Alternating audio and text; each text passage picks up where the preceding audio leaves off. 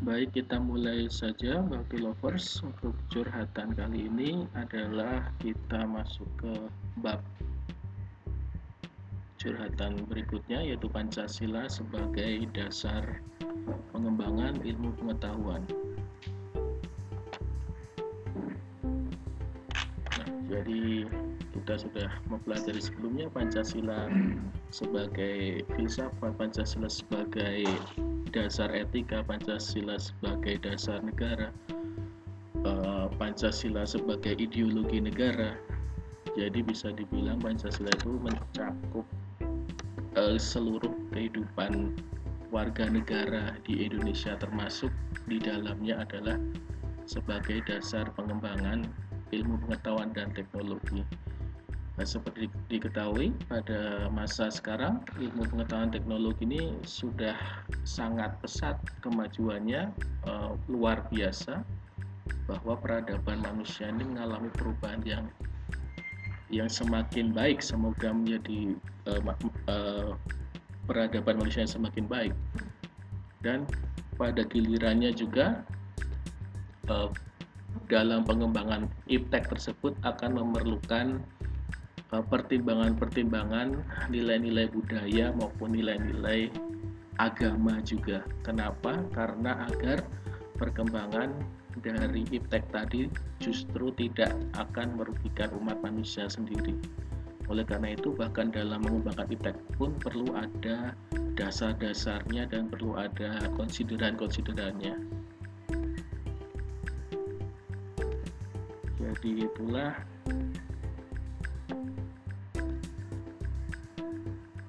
Nah, sedangkan menurut uh, Kunto Wijoyo sering kebanyakan orang sering mencampur adukan antara kebenaran dan kemajuan gitu. Kalau benar ke, suatu kebenaran menurut uh, Kunto Wijoyo tersebut berarti bersifat non kumulatif atau tidak bertambah. Kalau kebenaran kan ya akan selalu benar gitu, tidak akan berubah gitu dengan seiring berjalannya waktu ini misalnya adalah pada bidang filsafat, pada bidang kesenian dan bidang agama. Sedangkan kalau kemajuan, kemajuan itu akan bertambah dengan seiring waktu, selalu berkembang dari waktu ke waktu. Contohnya saja tentang uh, teknologi, tentang fisika, tentang ilmu kedokteran dan lain-lain. Jadi pandangan seseorang tentang kebenaran cenderung terpengaruh oleh kemajuan yang dilihatnya.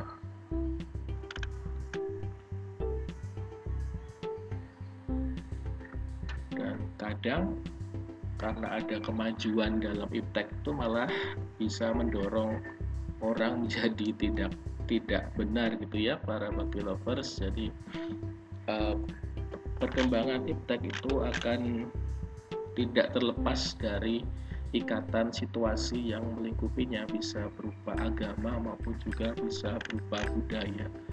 E, dari sisi agama sendiri, kalau kita bilang ada tiga relasi antara ipteks dengan agama, yaitu yang pertama adalah ipteks yang gayut atau bergantung dengan nilai budaya dan agama sehingga pengembangan ipteks tersebut harus senantiasa didasarkan atas sikap humanis religius. Jadi saling gayut saling seiring antara perkembangan ipteks dengan nilai-nilai budaya dan agama. Itu relasi yang pertama.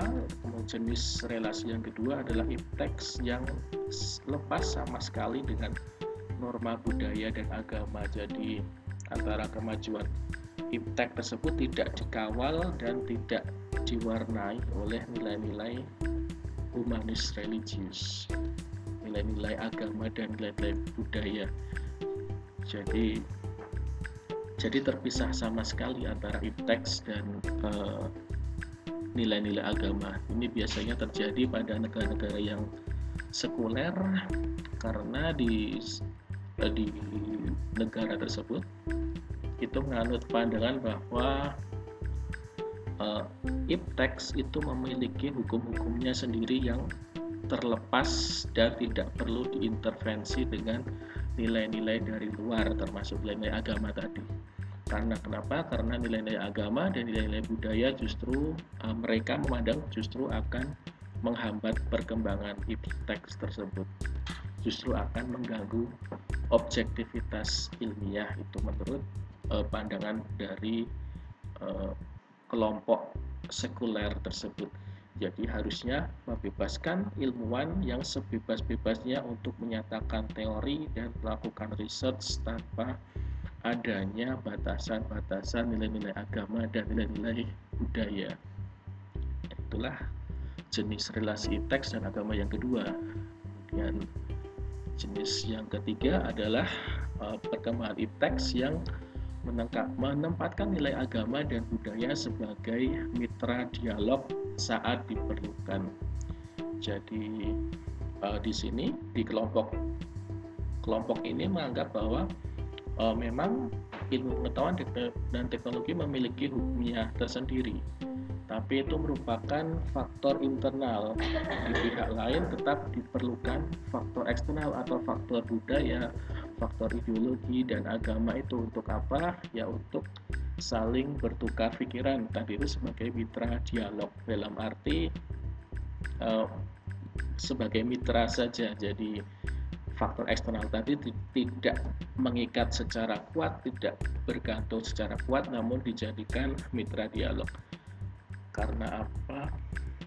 Uh, jadi memang ada, memang diperlukan ada pe, uh, peningkatan iptex, namun tetap harus uh, memperhatikan juga batasan-batasan tadi mitra dialog itu seperti apa dari pandangan agama dan pandangan budaya itu seperti apa gitu. Itu tadi adalah relasi teks yang ketiga setidaknya ada tiga jenis tadi.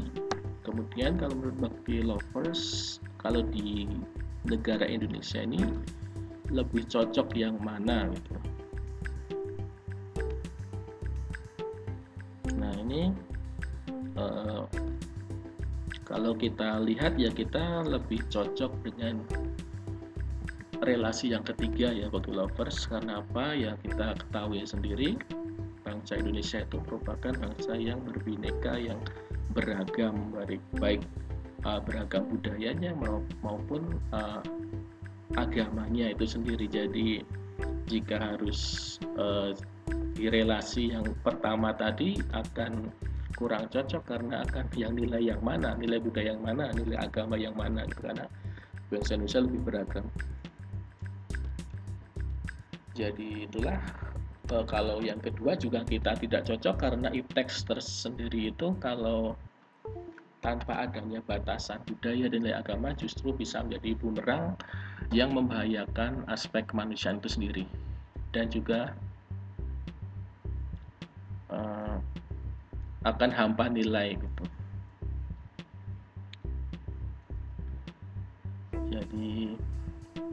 Mungkin ada pendapat lain dari Bakti Lovers bisa disampaikan saya melalui komentar maupun lewat pesan suara di podcast saya. Kita lanjutkan, sedangkan menurut Insinyur? Puwo Puwo Jowiyatno Pujo Wiyatno ini Pancasila bisa dikatakan sebagai ilmu atau sesuatu yang dapat dipelajari. Kenapa? Karena ada syarat-syarat agar bisa disebut sebagai il ilmiah. Yang pertama adalah berobjek, yaitu mempunyai sudut pandang untuk membahas sesuatu. Sedangkan Pancasila juga bisa dibahas dari sudut moral maupun etika, dari sudut hukum maupun yuridis, dari sudut filsafat juga bisa, dari sudut ekonomi juga bisa. Jadi uh, bisa dibahas dari banyak sudut malah. Kemudian mempunyai syarat selain objek forma juga objek materia bahwa Pancasila itu merupakan hasil budaya bangsa, jadi materi dari Pancasila itu dapat berupa lembaran sejarah, dapat berupa benda-benda bersejarah, lembaran hukum, dan naskah kenegaraan. Jadi juga mempunyai materi, objek forma dan objek materi juga terpenuhi. kemudian syarat kedua adalah bermetode atau cara atau pendekatan untuk mengkaji sesuatu. Sedangkan Pancasila juga dapat dikaji juga dapat melalui metode pemahaman melalui metode penafsiran interpretasi dengan logika untuk kemudian tidak ditarik kesimpulan. Jadi untuk syarat bermetode juga sudah terpenuhi kemudian syarat yang ketiga adalah bersistem Sila-sila dalam Pancasila merupakan kesatuan yang utuh, uh, tidak dapat dibagi, saling berhubungan antara sila satu dan sila lainnya, dan saling bergantung, interrelasi dan interdependensi. Jadi itu maksudnya adalah bersistem. Kemudian lagi menurut uh, Pujo Widyatno tadi, syarat yang keempat adalah bersifat universal. Ilmiah adalah bersifat universal, kebenaran pengetahuan ilmiah tidak bergantung ruang, waktu, keadaan, kondisi, dan bersifat universal.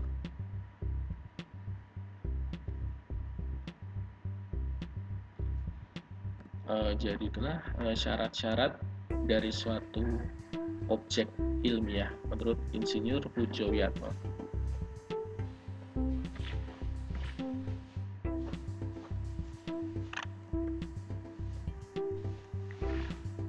Lanjut lagi teman-teman. Uh, silakan dibuka slide berikutnya. Jadi pentingkah pengembangan ilmu pengetahuan dan teknologi itu agak didasari moral? Uh, kalau bisa kalau bisa kita analogikan kehadiran ilmu pengetahuan dan teknologi di sekitar kita itu ibarat pisau bermata dua di satu sisi iptex bisa memberikan kemudahan bisa memecahkan berbagai persoalan hidup dan kehidupan yang dihadapi manusia jadi lebih lebih praktis gitu lebih lebih cepat uh, ya lebih lebih praktis dan lebih cepat lebih lebih enak lah gitu hidup manusia. Namun di pihak lain juga perkembangan iptex yang semakin besar juga dapat membunuh bahkan memusnahkan peradaban umat manusia itu Eh, teman-teman uh, developers pasti bisa memberikan contohnya yaitu perkembangan tentang persenjataan misalnya teknologi persenjataan ya. memang dengan senjata bisa mempertahankan diri bisa uh, melindungi orang lain bisa melindungi negara tapi dengan perkembangan persenjataan juga bisa uh, memusnahkan umat manusia sendiri. Contohnya adalah bom atom ya teman-teman. Dibayangkan saja kalau uh, pernah ada gempa uh, atomik atomik uh, nuklir ya teman-teman. Uh, di Jepang itu ada pembangkit listrik tenaga nuklir. Setelah ada gempa kemudian mengalami kerusakan pada pendinginnya pada reaktornya. Itu menyebabkan ada kebocoran nuklir yang terjadinya di Jepang tapi mencemari ikan di laut. Jadi ikan-ikan di laut itu juga ikut terkena uh, apa itu ampas nuklir itu, kena radioaktif dampak uh, yang terjadinya di Jepang tapi dampaknya sampai ke Eropa. Jadi eh, ikan-ikan uh, yang berenang sampai Eropa itu ternyata mengandung radioaktif sehingga berbahaya kalau dimakan manusia. Jadi bisa dibayangkan saja bom atom uh, sangat luas gitu dampaknya bisa uh, membahayakan peradaban umat manusia. Itu salah satu alasannya pentingnya didasari moral bagi pengembangan iptex. Kemudian alasan yang kedua adalah uh, adanya pluralitas nilai. Jadi semakin berkembang kehidupan bangsa Indonesia di masa ini sering dengan kemajuan iptex ini menimbulkan perubahan dalam cara pandang manusia tentang kehidupan. Uh, kita lihat bahwa di negara-negara barat kita contohnya saja sudah muncul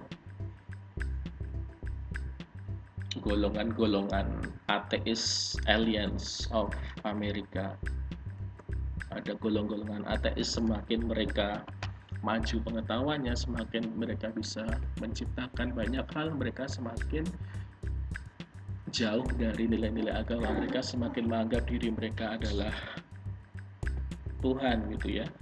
Mereka bisa merekayasa genetika mereka merekayasa sel uh, bisa merekayasa hewan-hewan uh, di di rekayasa genetika gitu. Jadi semakin maju ipteks umat manusia tapi kok nilainya semakin cara pandang manusia dalam kehidupannya semakin um, keburuk gitu. Kemudian ada juga pandangan bahwa religion give us the dark age sedangkan science give us the space age. Ini bagaimana menurut uh, teman-teman? Ada pandangan bahwa agama hanya akan membawa kita kepada abad kegelapan. Sedangkan ilmu pengetahuan akan membawa kita kepada zaman antariksa. Ada pandangan seperti ini bahwa kita seharusnya meninggalkan ajaran agama agar bisa meningkatkan ipteks gitu. Jadi semakin lama jika tidak didasari moral maka justru uh, ipteks ini malah akan itu membutuhkan renungan dan refleksi yang mendalam agar kita tidak terjerumus uh, dengan nilai-nilai uh, yang salah tersebut. Uh, jadi bisa dipahami ya teman-teman. Itu alasan yang kedua, kemudian alasan yang ketiga tadi uh, tentu saja dampak negatif yang ditimbulkan dari iptex tadi tidak hanya berdampak pada manusia secara langsung tapi juga terhadap lingkungan hidup di sekitar kita yang bisa mengkhawatirkan dan membahayakan eksistensi hidup manusia di masa yang akan datang. Contohnya saja eh, sampah elektronik teman-teman bisa bayangkan itu ada laptop, ada komputer itu diproduksi secara massal setiap harinya diproduksi terus-menerus. Sedangkan terbuat dari apa itu uh, laptop? Dari besi ya teman-teman. Dari besi itu apakah bisa dengan sangat mudah untuk didaur ulang atau dimakan oleh bakteri kan tidak akan membutuhkan waktu yang lama sekali untuk uh, mengdekomposit sampah-sampah elektronik tersebut. Hasilnya apa? Hasilnya akan ada banyak gunung-gunung sampah, akan banyak timbunan-timbunan komputer-komputer dan laptop-laptop yang sudah rusak ataupun sudah ketinggalan zaman kemudian tinggal dibuang gitu saja. Dampaknya adalah bumi kita ini akan semakin penuh dengan sampah yang sukar untuk uh, didekomposit tadi yang kemudian pada masa yang akan datang justru akan membahayakan eksistensi hidup manusia itu.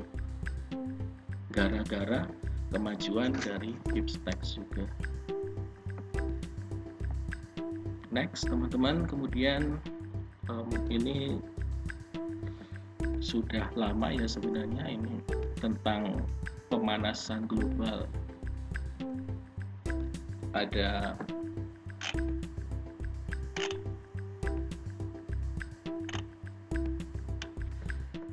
ya ada kelompok pecinta lingkungan yang uh, mempromosikan tentang bahayanya pemanasan global. Mungkin teman-teman sudah pernah dengar seharusnya sudah pernah dengar tentang pemanasan global atau ada juga efek rumah kaca ya.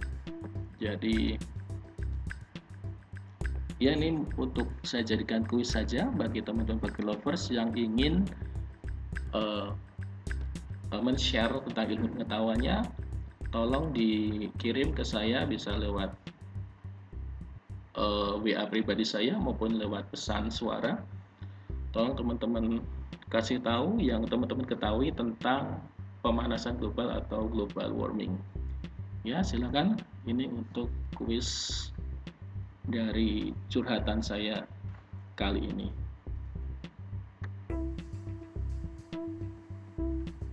Oke, okay, next teman-teman, alasan selanjutnya mengapa perkembangan ipteks itu perlu untuk didasari moral. Yaitu adalah karena perkembangan ipteks umumnya kan didominasi oleh negara-negara barat ya biasanya negara-negara barat lebih maju dalam ipteksnya, kemudian negara-negara lain tinggal mengadopsi saja. Nah ini otomatis nilai-nilai dari Barat itu juga akan ikut teradopsi ke dalam negara-negara kita juga negara-negara Timur juga. Padahal kita tahu uh, nilai kita dengan politik mereka kan sangat uh, berbeda gitu ya, tidak sama gitu nilai-nilai yang kita hargai dengan yang mereka hargai. Jadi ini dapat mengancam juga nilai-nilai khas dari kehidupan bangsa Indonesia juga misalnya spiritualitas, misalnya gotong royong, solidaritas, musyawarah, cinta terhadap rasa keadilan dan lain-lain. Contohnya saja eh, seperti yang teman-teman tahu, gadget seharusnya bisa mendekatkan kita, tapi ini malah gadget telah menjauhkan yang dekat. Jadi seharusnya mendekatkan yang jauh, ini malah menjauhkan yang dekat seharusnya di dalam keluarga saat makan malam ya makan bareng-bareng berbincang tapi saat makan malam malah sibuk dengan HP-nya sendiri-sendiri. Misalnya sibuk malah uh, ngegame dengan gadgetnya sendiri jadi tidak ada waktu untuk uh, ber, berbincang-bincang antara keluarga gitu misalnya. Kemudian yang kedua misalnya dengan adanya uh, pengembangan iptex di bidang game misalnya kan banyak per permainan yang semakin berbau kekerasan untuk anak-anak maupun remaja. Kalau di barat mah uh, legal-legal saja jika ada penduduk sipil yang membawa sen senapan. Tapi kalau di negara timur kan uh, itu tidak diperbolehkan untuk penduduk, penduduk sipil memegang senjata jadi nilainya berbeda takutnya nanti nilai kekerasan juga masuk ke anak dan remaja kita. Oleh karena itu diperlukan Pancasila. Baik, mohon maaf untuk uh, versi 1 saya cukupkan di sini. Tolong teman-teman ada tugas tadi silahkan uh, dikirimkan ke saya. Para bakti lovers, baik terima kasih untuk perhatiannya. Versi 2 akan dilanjutkan uh, next gitu.